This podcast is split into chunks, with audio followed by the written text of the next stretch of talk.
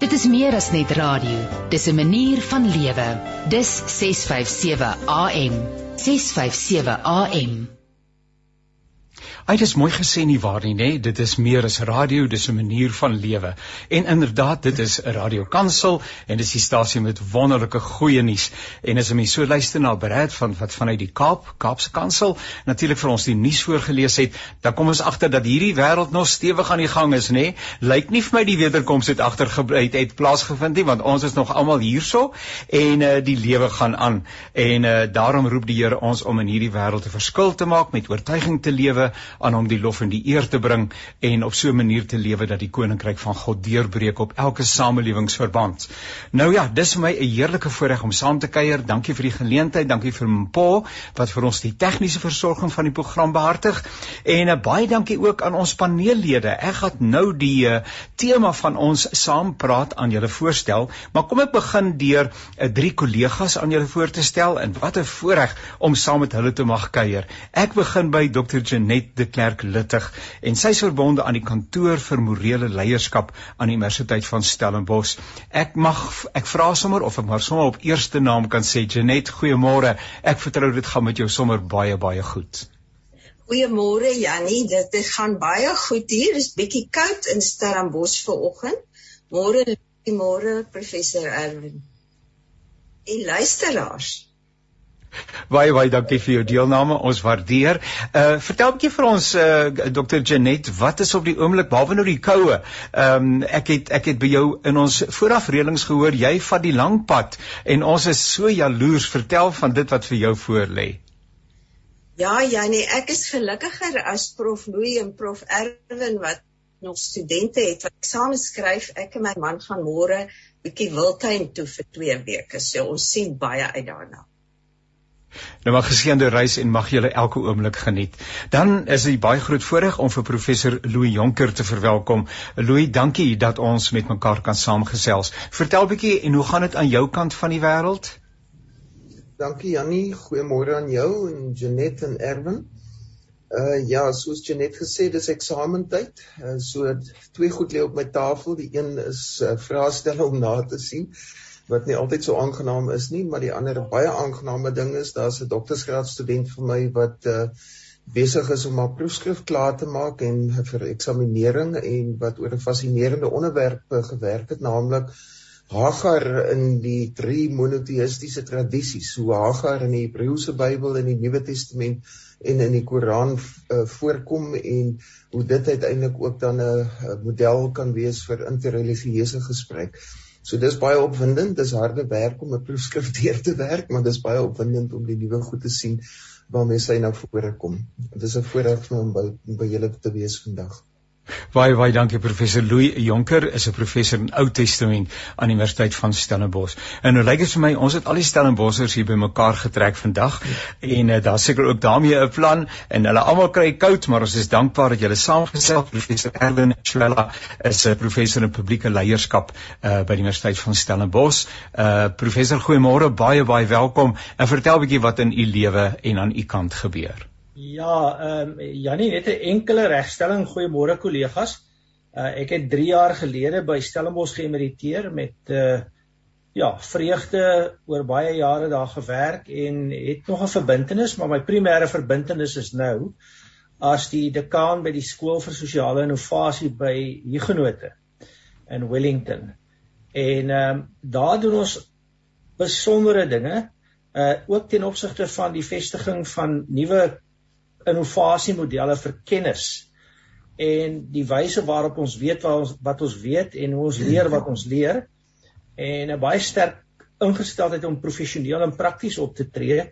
So twee projekte waarmee ek my nou op die oomblik besig hou behalwe die ander normale studente aktiwiteite, onderrig, navorsing en diens.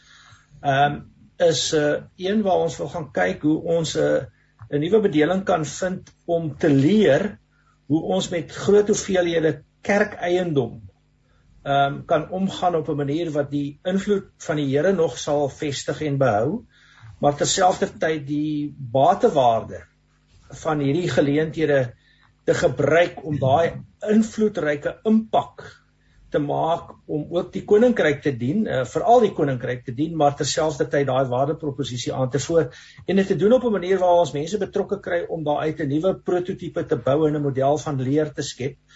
Die tweede een is is is is 'n uh, 'n um, 'n konferensie wat ons beplan vir Desember 30 November 1 tot 2 Desember. Jy's ook by die sentrum vir spiritualiteit by by uh by die Andrew Murray sentrum maar ook my skool. En dis spesifiek oor gemeenskapsgebaseerde plaaslike regering wat nie die plaaslike owerheid is nie, ehm um, wat breër as dit is en hoe ons kan innoveer in terme van om dit behoorlik te analiseer, tweedens dan aksie te neem. Dit lyk asof ons falende plaas, plaaslike regering het en dan derdens om aktivisties te wees, konstruktief aktivisties in terme van ons grondwet om te sê dat ons kan nie twee keer betaal vir goed wat uh, uh wat ons dan self ook nog doen nie. So my lewe is vol wonderlike uitdagings um, en gelukkig meestal die een sukses op die ander. Dis heerlik om te hoor hoe dit u besig is en ook van die innoverende dinge wat op die tafel is. Baie baie dankie dat ons kan saamgesels.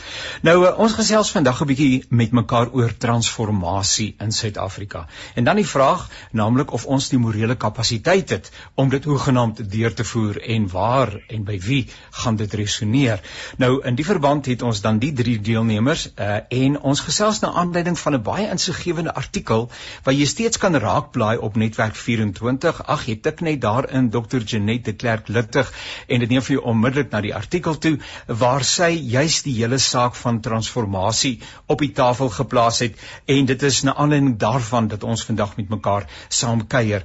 Nou eh, ek gaan by u begin asseblief Dr. Janet uh, en ek het nou al gesê ons is op voornaam, maar hier is nou alweer met die met die amptelike. So Janet, ehm um, as 'n ou ietsie skryf dan is dit asof daar mos nou iets in jou ryp word en ons skielik kan skenkie geboorte daaraan. Vertel vir ons, wat het aanleiding gegee tot hierdie artikel asseblief? Wat is dit wat jy wil tuisbring by mense?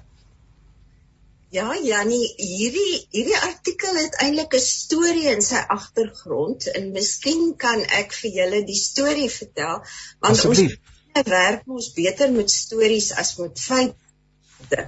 So in die agtergrond van die artikel is die storie van die dwaas man wat 'n boot gebou het en man wou eintlik hy het natuurlik 'n groot ego gehad en hy wou eintlik die voorsitter van die bootklub geword het maar hy was dwaas. Soos toe hy die boot begin bou het hy al ten aandag en energie het hy spandeer aan dit wat die mense kon sien.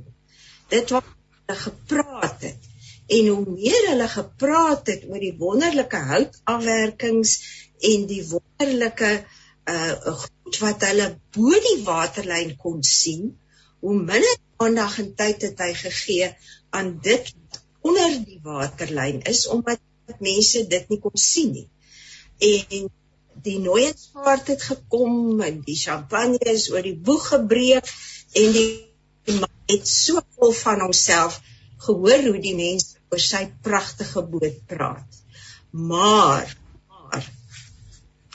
Hulle het op die Nooiensvaart gegaan en die ander bote wat saam met hom gegaan het, het teruggedraai omdat 'n storm opgesteek het. Maar die was so vol van homself, hy het nie die storm eers gesien kom nie en gaan sy in groot moeilikheid en die 'n uh, 'n uh, groot golf het gekom en die boot het omgeslaan. Die man het is is afgespoel, hy het verdrink en toe die bak uitspoel die mense daarna en hulle sê wat dwaase man wat 'n dwaase man om so bo te bou.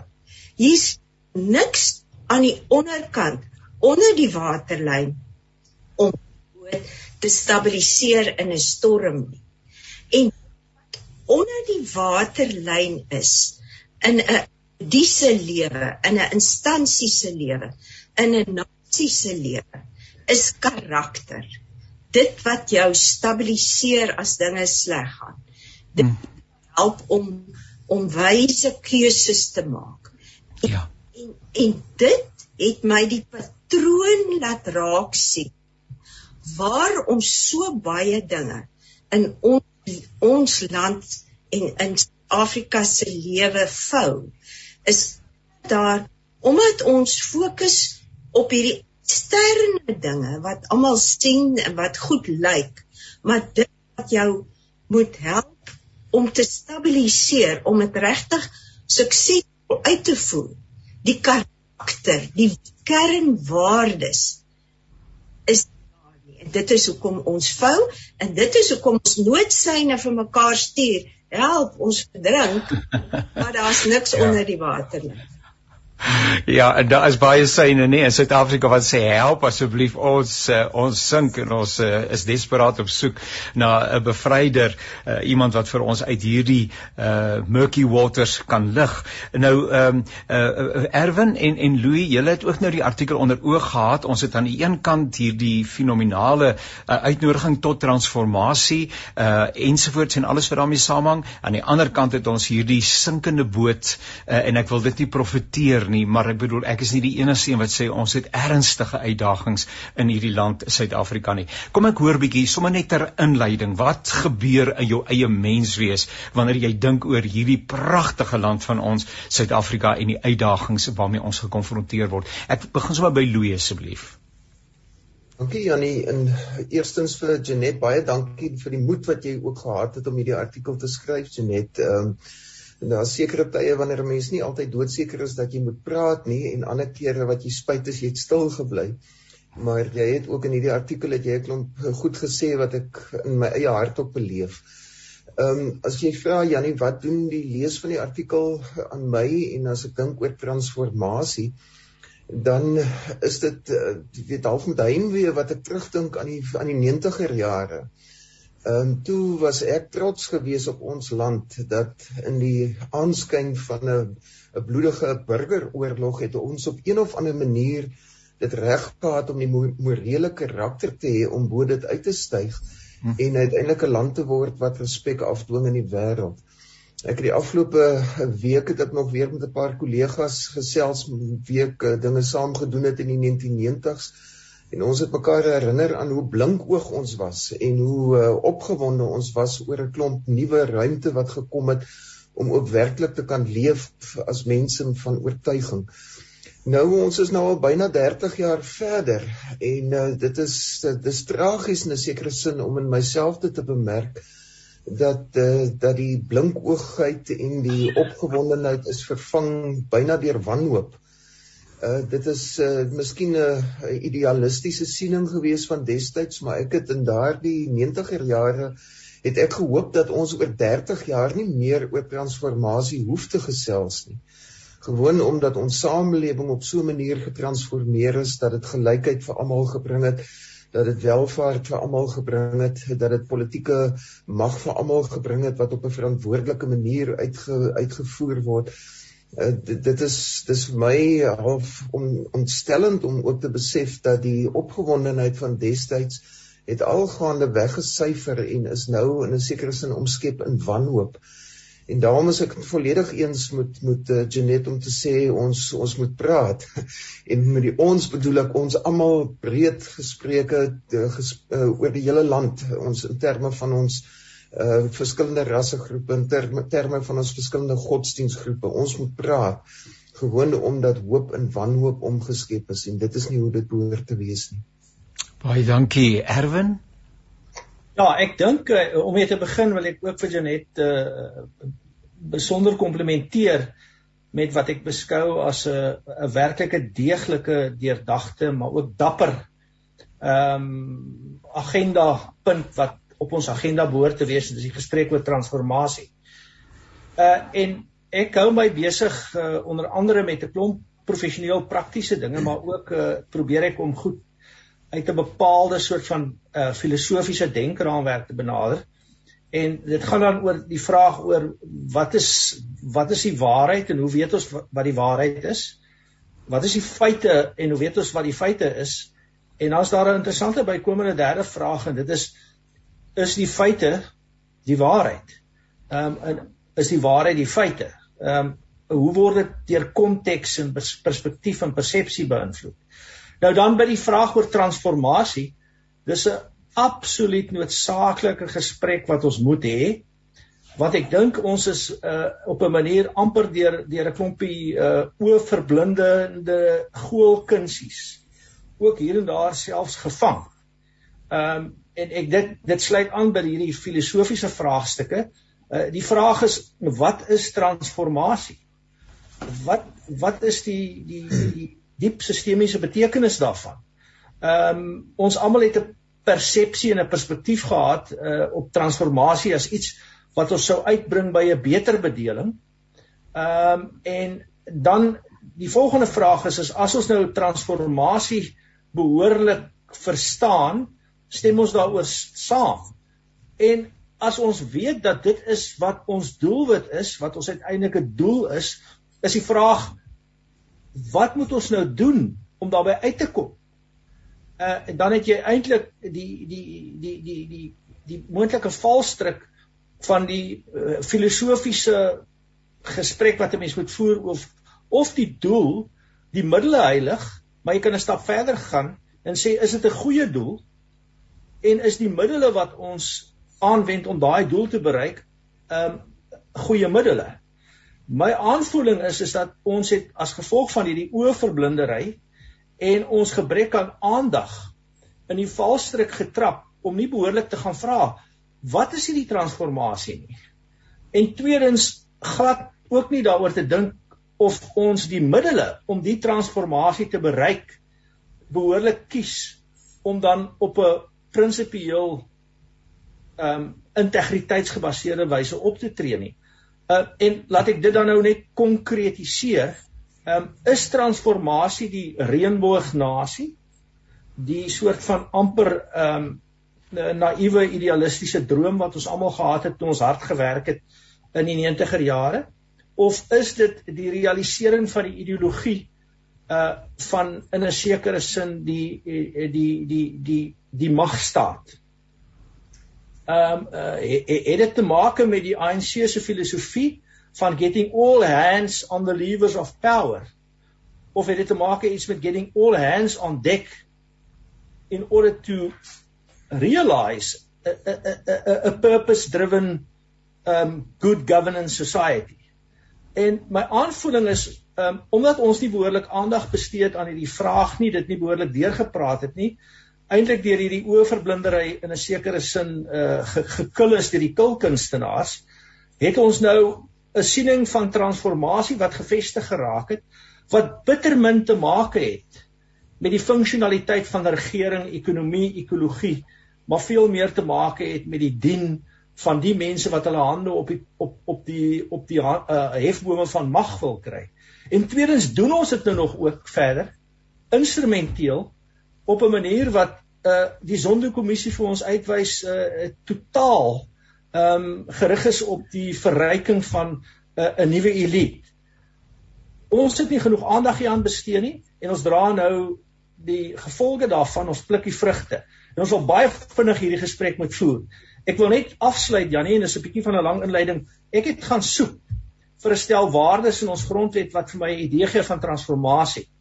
Ehm um, en in my vakgebied die regeringskunde is daar dan 'n uh, hoofstuk 10 wat gaan onder andere oor public administration.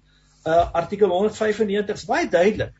Die eerste persepsie wat ons het van transformasie het iets te maak met verteenwoordiging en dit het en dit moet ook met verteenwoordigingheid te doen hê.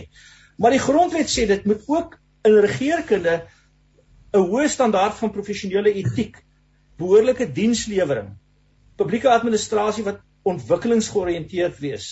Daar moet onpartydigheid, billikheid en regverdigheid wees. So hier is 'n klop goed wat sê wat transformasie eintlik is en dan sê dit uiteindelik ook Die staatsdiens moet breedweg verteenwoordigend wees van ons bevolking waarmee ek geen enkel probleem het nie, mits die middele nie is om kaders te bevoordeel nie. So ons sal ernstig regheid en direk moet praat oor die verwording, die korruptering van die konsep transformasie en mekaar reguit daaroor aanspreek en sê so kan dit wragtig nie aangaan nie. Want dan gaan ons hierdie moedverloorse vlakte nie nie nie deurkom nie. Ons gaan uiteindelik strand um, met daai mooi gekonstrueerde boot uh wat wat op die oppervlak goed lyk maar vir die res is 'n totale onsin en waansin. Nee ja, met dis nou uh, grafies goed gestel, so kan ons vragies hier aangaan. Hier sal iets moet gebeur. Nou nou uh, um, net terwyl van ons luisteraars, jy luister na die programme van Radio Kansel, hierdie program se naam is Perspektief. Ons gesels oor transformasie, die onderbou wat daarvoor nodig is, alles wat daarmee saamhang. Ons gespreksgenote is Dr. Janet de Klerk Luttig, professor Louis Jonker en professor Erwin Schwella en uh, dis 'n voorreg om saam met hulle te kuier.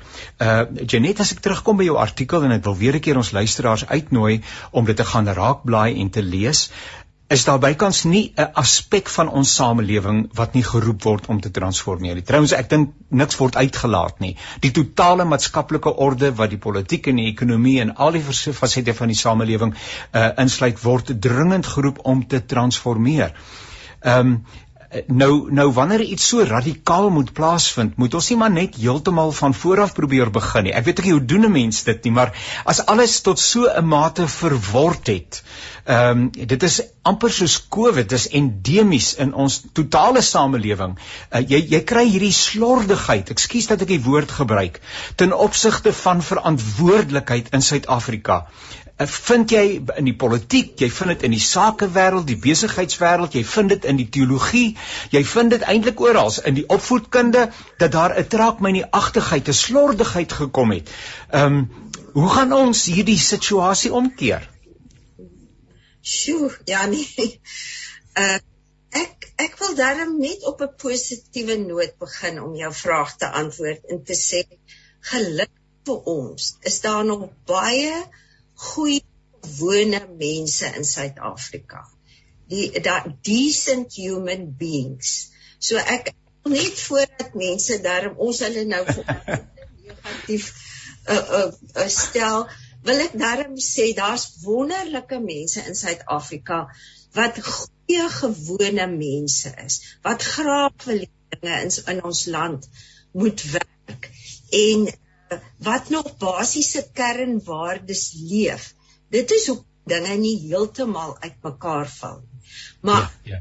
ek was eintlik amper ek het 'n dringendheid in my dat ons ook eerlik hierdie goed op die tafel moet sit. En dat ons soos 'n uh, uh, prof Swela gesê het dat ons 'n doel sal hê waarna toe ons moet werk. Uh, nog aansluit by wat in die Success of Nations skryf hierdie ou Bill Donner. Hy sê die sukses van 'n nasie hang nie saam met hoe oud 'n nasie is of hoeveel hulpbronne daar is en sulke eksterne dinge nie. Om weer terug te kom na ons metafoor van die boot. Hy het gaan kyk wa, hoe lyk dit wat is die geheim van suksesvolle nasies?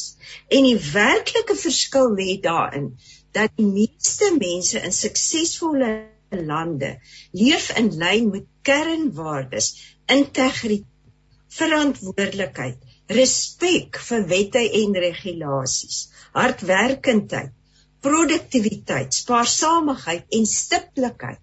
So dit sluit aan by jou die feit dat ons besig is om om slorderig het my ouma van gepraat om is omdat baie mense in ons land nie meer kernwaardes leef nie. En ek hou van Prof van Niekerk se definisie van waardes is dis die oer ooreenkoms wat ons met mekaar gemaak het om te lewe op so 'n manier dat ons mekaar nie op 'n groot skaal of gaan nadeel of verwoes nie. So ek weer terugkom na die karakter die kernwaardes onder die waterlyn wat eintlik die boot op op koers moet hou. Janie kan kan ek op hierdie punt inkom om uh, asseblief oor die kwessie van waardes se ding te sê. Ehm um, en ek is dankbaar dat ons mense dit soos Janet en Erwin wat baie prakties ook oor die goed dink, jy weet, hoe doen ons dit en nie net oor wat moet ons doen nie, maar ook hoe doen ons dit? Ja, ja. Ek het nou uh, ook aan twee metafore gaan dink. Ek meen aan die een kant en skuis vir die onwelriekende metafoor, maar 'n uh, vis vrot van sy kop af.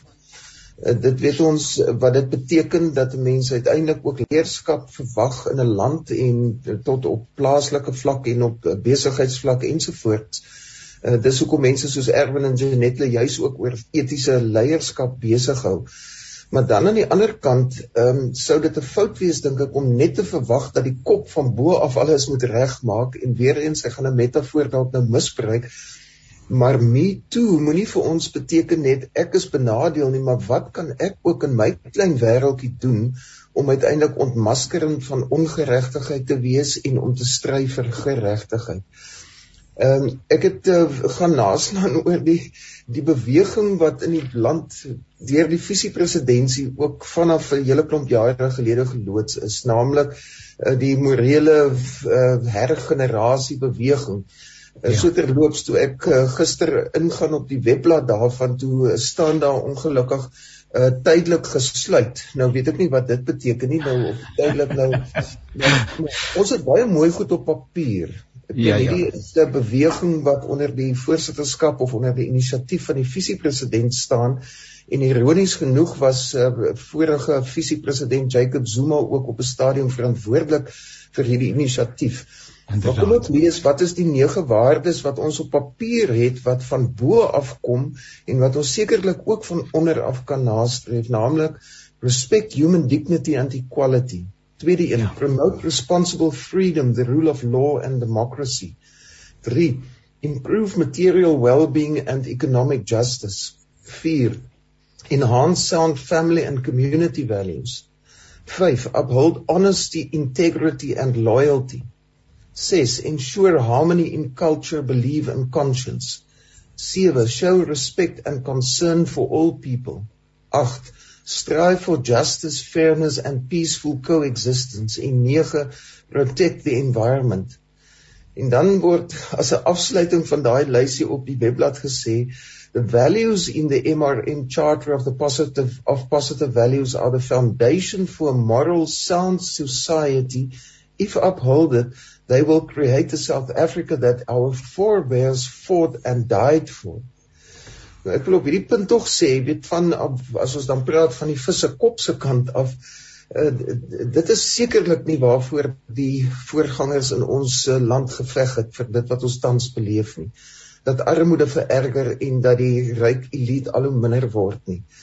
Uh dit is eenvoudig so dat ons uh, nie anders kan as om te verwag dat hierdie waardes van bo af in ons land in alle bestuursomgewings moet geld nie. Maar dan om dan die vinger na myself toe te wys en na elkeen van ons toe. Sê nou maar net daai waardes was die waardes wat elkeen van ons as individuele Suid-Afrikaners ongeag ons ras of kleur of 'n uh, geslag of godsdienstgroepering gestel ons het hierdie waardes elkeen persoonlik nagestreef in ons eie klein omgewing. Uh, julle ken sekerlik die ou storie van die dogtertjie wat op die strand geloop het en 'n hele skool visse wat uitgespoel het en wat sy begine visse teruggooi het in die see en 'n oom verbykom en vra maar wat maak jy my kind? Wat dink jy gaan dit nou help? Wat se verandering maak jy daardeur? En sy sê toe maar dit maak 'n verandering aan die visse wat ek wel in die see teruggooi. Miskien moet elkeen van ons nie die visse kop laat vrot nie, maar moet ons dalk begin om elkeen visse in die see terug te gooi, daar waar elkeen van ons op klein skaal ook leef. Sy as ek nou so na daai 9 uh, amper was ek gebooie luister en ons kan nou nog een van leierskap wat van integriteit getuig daarbey voeg dan het ons ook 'n dekaloog van uh, morele uh, waardes. Uh, Erwin help vir ons asseblief. Ja, ek dink dis baie belangrik dat ons gaan kyk na die dimensies van kultuur, waardes. Ehm uh, daar's 'n gesegde in die bestuurswetenskappe uh, wat sê uh kultuur troef 'n uh, strategie elke keer. As jy die regte ding doen op die regte manier, dan uh, met die regte waardes, die regte doel nastreef, uh, dan is die strategie eintlik instrumenteel. Uh die die leierskapsdimensie is ook van wesentlike belang en ek dink dit is wat ek sal noem nodige maar nie voldoende voorwaardes vir suksesvolle samelewings nie. Uh ons kan al hierdie goeie idees hê, um ons kan probeer implementeer, maar daar's 'n dimensie en dis breedweg die institusionele dimensie. Uh en daarvoor is daar ook goeie literatuur uh twee skrywers ehm uh, ehm um, wat geskryf het oor why nations fail, James Robinson en Darren Acemoglu. Ehm um, en in effek sê hulle nasies misluk omdat hulle nie die regte institusionele karakter het nie. Nou binne die institusionele karakter is daar struktuur en dinamika, daar's daar's daar's daar's funksie en en en en en vorm ehm um, en daar's kultuur en daar's leierskap.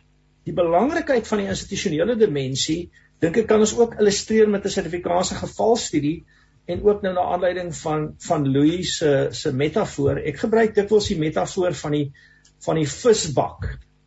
En die visbak is 'n institusionele ruimte waarin daar goudvisse leiers en volgelinge in die water swem en ehm um, en hulle doen wat wat visse moet doen in 'n visbak. Uh dan vind hulle dat uh hierdie hierdie hierdie hierdie ding werk nie. En nou is daar 'n neiging om te sê kom ons vervang die leiervisse. Maar dit blyk wanneer ons hulle vervang en ons sit nuwe leiers in, dan verander die omstandighede nie. Dit bly eintlik dieselfde wat eintlik meer waarskynlik gebeur is is die visse word ook slegte leiers. Nou die gevalstudie sertifikaatse polisie diens. Ek was baie betrokke by die opleiding van die eerste groep polisiekommissarisse na demokratisering en dit was generaal George Fives, later kommissaris George Fives. En daarna is die interessante ironie tot by nou ehm um, ons nuwe polisiekommissaris is almal onder wolk weg. So die probleem is is die institusionele dimensie. Die die water is toksies. Jy kan maar visse vervang soos jy wil. As ek dit op 'n op 'n soort ehm um, ehm um, soos 'n uh, soos 'n aksiomatiese stelling formuleer waarvan ons min in ons wetenskap het. Ehm um, jy weet behalwe dat korrupsie uh, uh, is dodelik en jy kan ook sê dat mag korrupteer en mag absolute mag korrupteer absoluut. Dis bietjie aksiomaties. Dis ook geillustreer in ons samelewing. Ja. maar dan is my aksiomatiese stelling hier dat die waarskynlikheid is groter dat as ek julle is al drie uitstekende leiers maar die waarskynlikheid is groter as ek julle in die Suid-Afrikaanse polisie diens plaas as die leier van die Suid-Afrikaanse polisie diens dat julle slegte leiers gaan word as dat julle die Suid-Afrikaanse polisie diens gaan omvorm om 'n goeie ja. polisie diens te wees Ja. Nou wat is die implikasie? Daar's 'n klomp institusionele kwaliteite in die water. Die die visbak staan nie in genoeg sonlig nie. Daar's nie genoeg deursigtigheid nie. Die water word toksies. Ehm um, so ons moet sal moet gaan kyk na die na die nodige maar ook nie voldoende voorwaardes en dan is daar baie sterk op die idees en dat ons die slegste idees ons ons streef die nasionale demokratiese revolusie na in plaas van goeie konstitusionele regering op die institusionele vlak het ons al hierdie kwessies met endemiese en sistemiese korrupsie. En op implementeringsvlak kry ons niks reg nie. En dan is die gevolg dis 'n dis 'n dis dis 'n resies na die na ondergang toe. Want die skaarsheid neem toe en die gierigheid neem ook toe. En die wat gierig is met mag gebruik dan meer en meer van die skaarser wordende hulpmiddels om homself te bevredig en die potensieel ongelukkige uitkoms is 'n Rwandese situasie 30 jaar terug waar ons al die kokkerotte blameer vir die probleme. En van hulle moet ontslaa raak en dis xenofobie en toenemende rasisme oor die hele spektrum heen. En ons ons ons, stry vir al hoe minder wordende hulpbronne onder toenemende toestande van skaarsheid met toenemende gevolge van geweld en en en afbreek. Dis jammer ek het nie 'n optimistiese prentjie hieroor nie. Laaste punt ek sluit aan by Louis Daam werk ek maar sommer so met 'n paar visse. Kyk of ons 'n paar uh konferensies kan hou en 'n paar kerkeiendomme kan red en uh, en en en en en so tussendeur 'n verskil probeer maak en daarmee darm optimisties te kan lewe om Saterdag aande nie net uh bietjie minder koud te gooi nie. Um en om die braaivleis vuur te klaar nie. Ai, dit klink vir ons het 'n interessante mengsel van dinge hier op die tafel. Ons het 'n ja. boot wat aan sinke is, maar hy's darm nie heeltemal onder die water nie. Ons het ja, water wat toksies is. Ehm um, Erwin het nie baie vertroue in ons drie gehad as ons uh, dalk iewers in 'n leierskapsposisie moet kom nie omdat die water toksies is. Dis op die hulle gaan hom nie omdraai nie. en uh, en en die visse is besig om te vrek uh, maar daarmee saam het het, het Janine daar vir ons gehelp en gesê maar daar is daarom uh, hier op grondvlak. En dit sien 'n mens raak wanneer ek uh, probeer nou onmiddellik net dink aan Barend Barend Du Plessis het ek regtig van reg uh, met wie ek verlede week gesels het wat weer vertel en ander deelnemers wat vertel van die merkwaardige werk wat byvoorbeeld in Senekal gebeur uh Colini is een voorbeeld uh, ander plekke uh, waar daar tog wel 'n uh, ou so bekommer is baie keer dat dit te min te laat is Uh, nou ons is gelukkig as ons gelowiges. Ehm um, maar maar hierdie ding van hoeveel tyd het ons en waar gaan ons nou begin? Janet, jy het nou 'n uh, uh, uh, indeks opgestel van terreine van die samelewing waar daar transformasie uh, uh, onder met 'n gesonde morele onderbou nodig is. Nou wie moet nou eers te begin of moet dit alles gelyktydig plaasvind? En dan moet julle nou asseblief help, hoe kry jy die ding aan die gang? Of is hy aan die gang? Hy moet net momentum kry. Wat hoe wat is die status van hierdie hele gesprek? Kyk Janie, elke mens praat maar uit sy perspektief. So ek praat uit die perspektief van 'n ma, ouma en 'n opvoeder, 'n ja. juffrou. So uh Wells het gesê history is a race between education and catastrophe. Ek dink die verandering moet in 'n mens natuurlik begin ten eerste want as ek stem absoluut dit kan nie daar buite begin nie. Dit moet in elke individu begin. Maar ek dink dit moet in elke huis begin. Die waardering van kinders plaasvind moet basiese waardes soos respek en verantwoordelikheid. Ek dink uit my perspektief as daar twee waardes is waarop ons almal nou moet fokus is dit respek en verantwoordelikheid en as ek 'n derde een mag bysit, dissipline.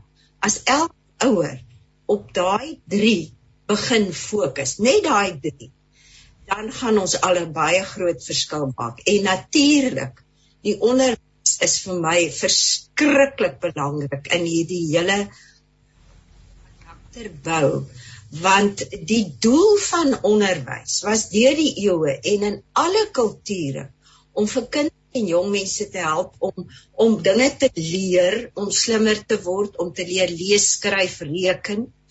Uh, uh to help them to become uh, smart, maar ook om vir kinders en jong mense te help om beter mense te word.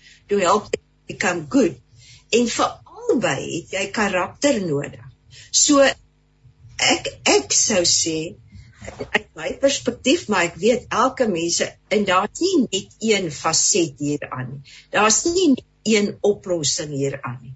So miskien kan ek net sê dat in die 1830s, 1840s was daar 'n priester, 'n Rooms-Katoliek, John Joseph Hughes wat in New York Die Ire was absoluut op neergekyk en hulle was regtig 'n klomp arm verskillende mense.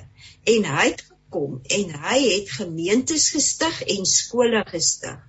En een geslag het die seuns van dronklappe polismanne geword. En die dogters van prostituie het onderwyseresse geword. Het wonderlik reg gekry onder die Ierse gemeenskap in New York in daai daardie tyd So vir my dink ek moet ons fokus op opvoeding van kinders in ons huise en in ons skole. Maar ons kan nou ook nie van die reeds oorlaaide onderwysers verwag om al die probleme wat daar in die samelewing is op te los. Dit maak my sommer rooi onder die kraag want hulle moet nog deur kapskurrikulum opkom. So ons kan nie daai taak net op onderwysers laat nie. Nou ja, ek wil nou net sê daai dissipline en 'n oupa wees werk nie so lekker saam nie. Want ek sukkel so 'n bietjie om die klein kinders te dissiplineer, uh omdat hulle net 'n uh, niks verkeerd kan doen. Ja, is niks wat hulle verkeerd kan doen nie. Maar nou ja, uh, Janet sê uh, ons moet by die onderwys dalk begin. Uh Louis, wat sou jy sê van die kerk?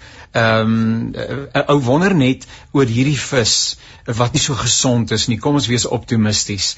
En en en en is ons heeltemal so relevant wat ons as kerk moet wees vir die tyd waarin ons lewe. Ek het tog baie keer kommer in my hart dat ons met ander dinge besig is en die land is besig om onder te gaan.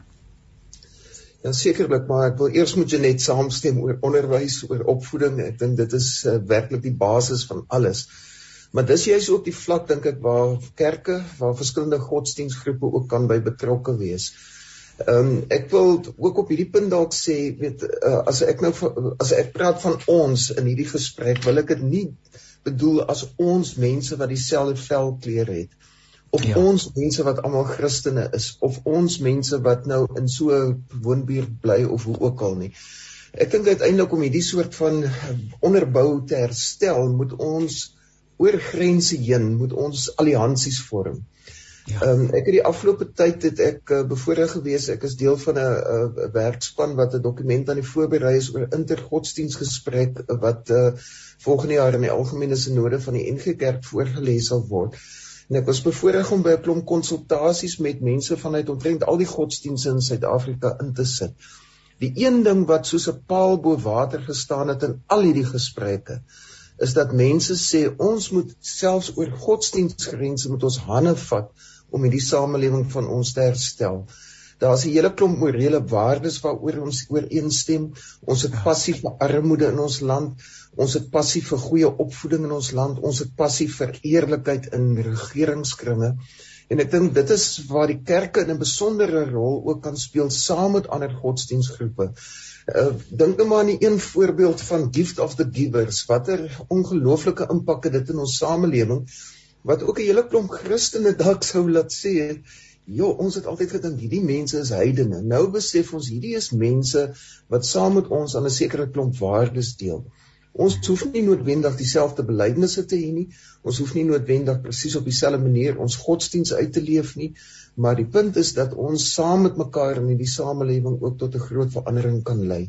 En ek is baie dankbaar dat daar oor kerkgrense heen en ook al hier en daar oor godsdienstgrense heen inisiatiewe is om betrokke te raak by vroeë kindontwikkeling, byvoorbeeld uh, Genet, een van die goed wat belangrik is in die opvoeding, maar dan ook in die kwessie van armoedeverligting, ook in die bystand van slagoffers van geweld en veral dan ook geslagsgebaseerde geweld.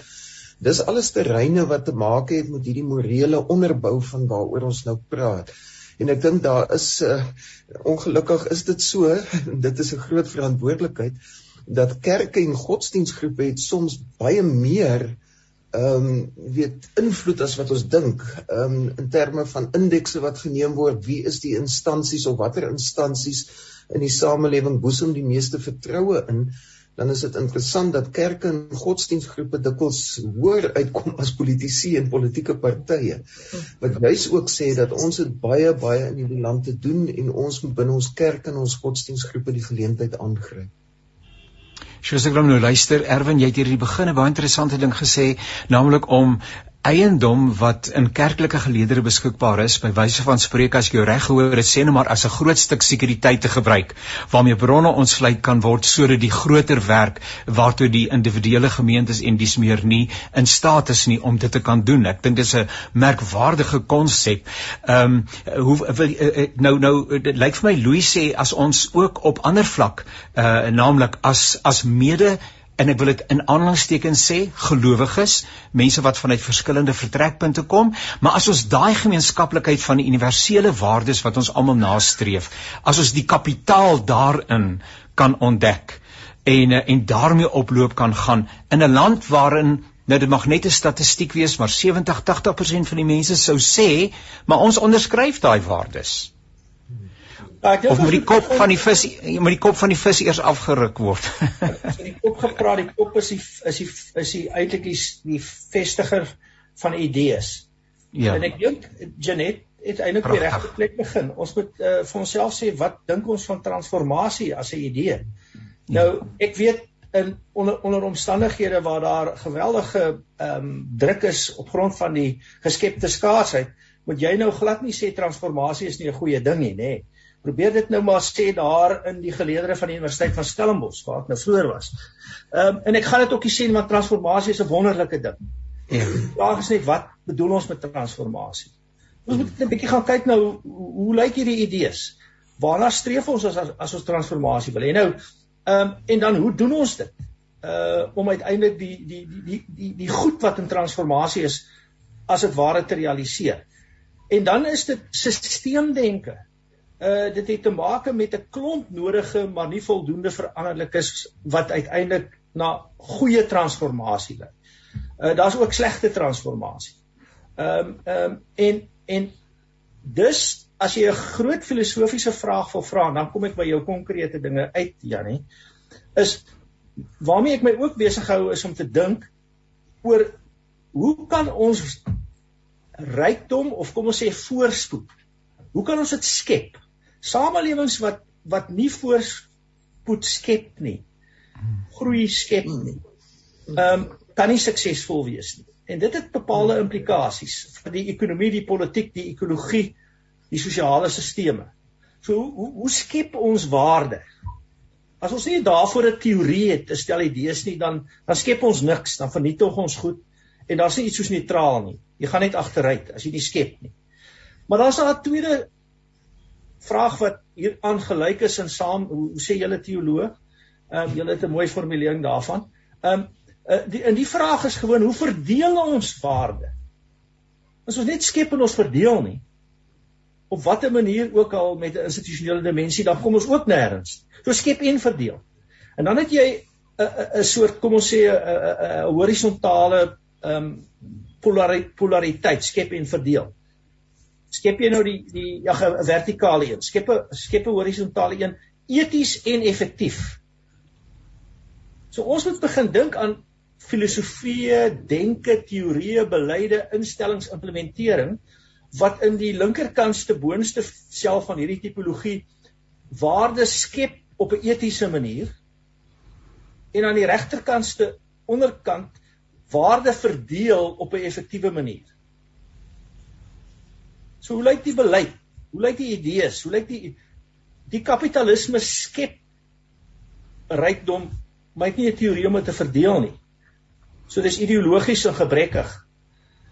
Die sosialisme verdeel maar het nie 'n manier om te skep nie.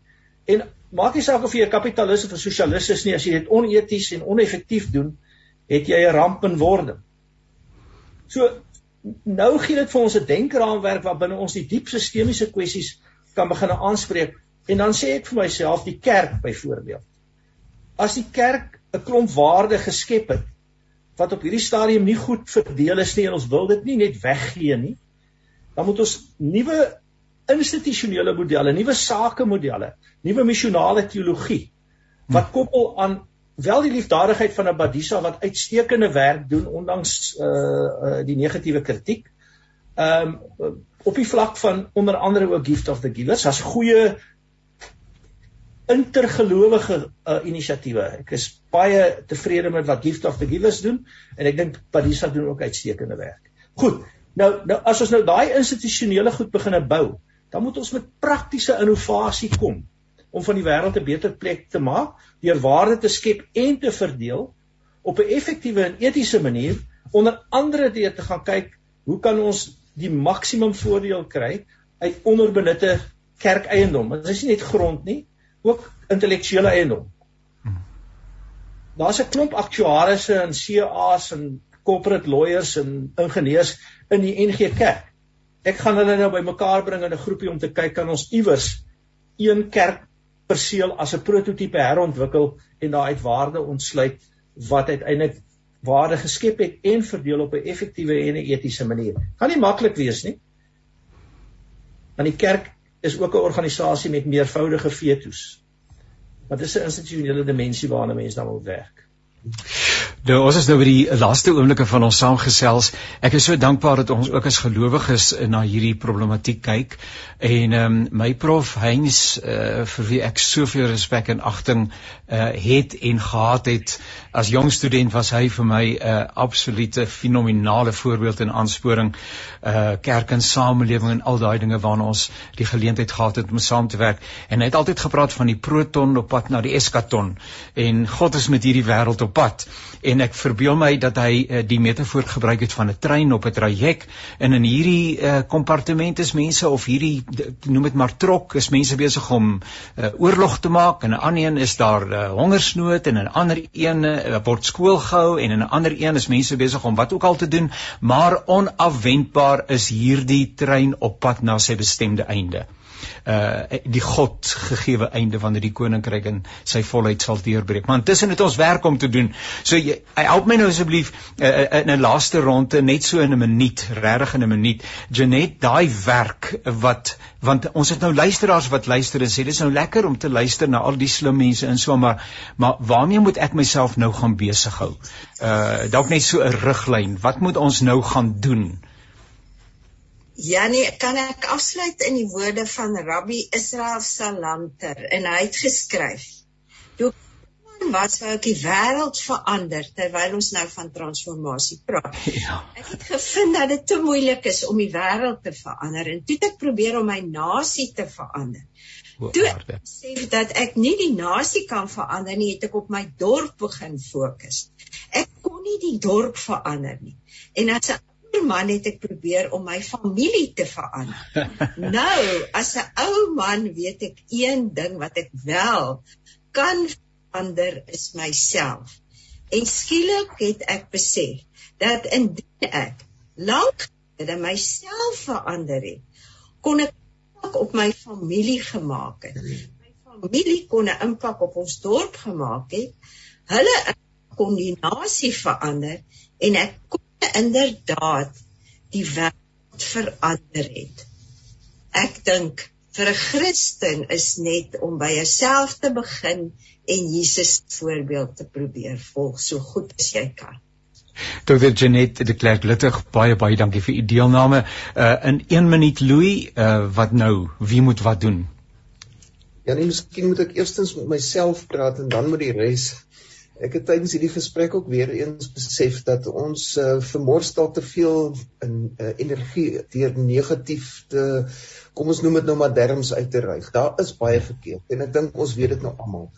Maar ek dink om ook op die positiewe te begin konsentreer om dankbaar te wees dat ons 'n onafhanklike pers het, om dankbaar te wees vir die regbank van ons land, om dankbaar te wees vir al die goeie mense in elke liewe deel van ons samelewing oor al die grense heen. Ek dink soos vir die rabbi ons aangeraai het met ons elkeen in ons eie kring daai positiewe punte wat daar is gaan probeer versterk en minder dalk op die negatiewe fokus. Ek dink uh, ons ken almal die spreekwoord dat in die duisternis uh, al die duisternis kan nie die vlammetjie van een kers uitdoof nie.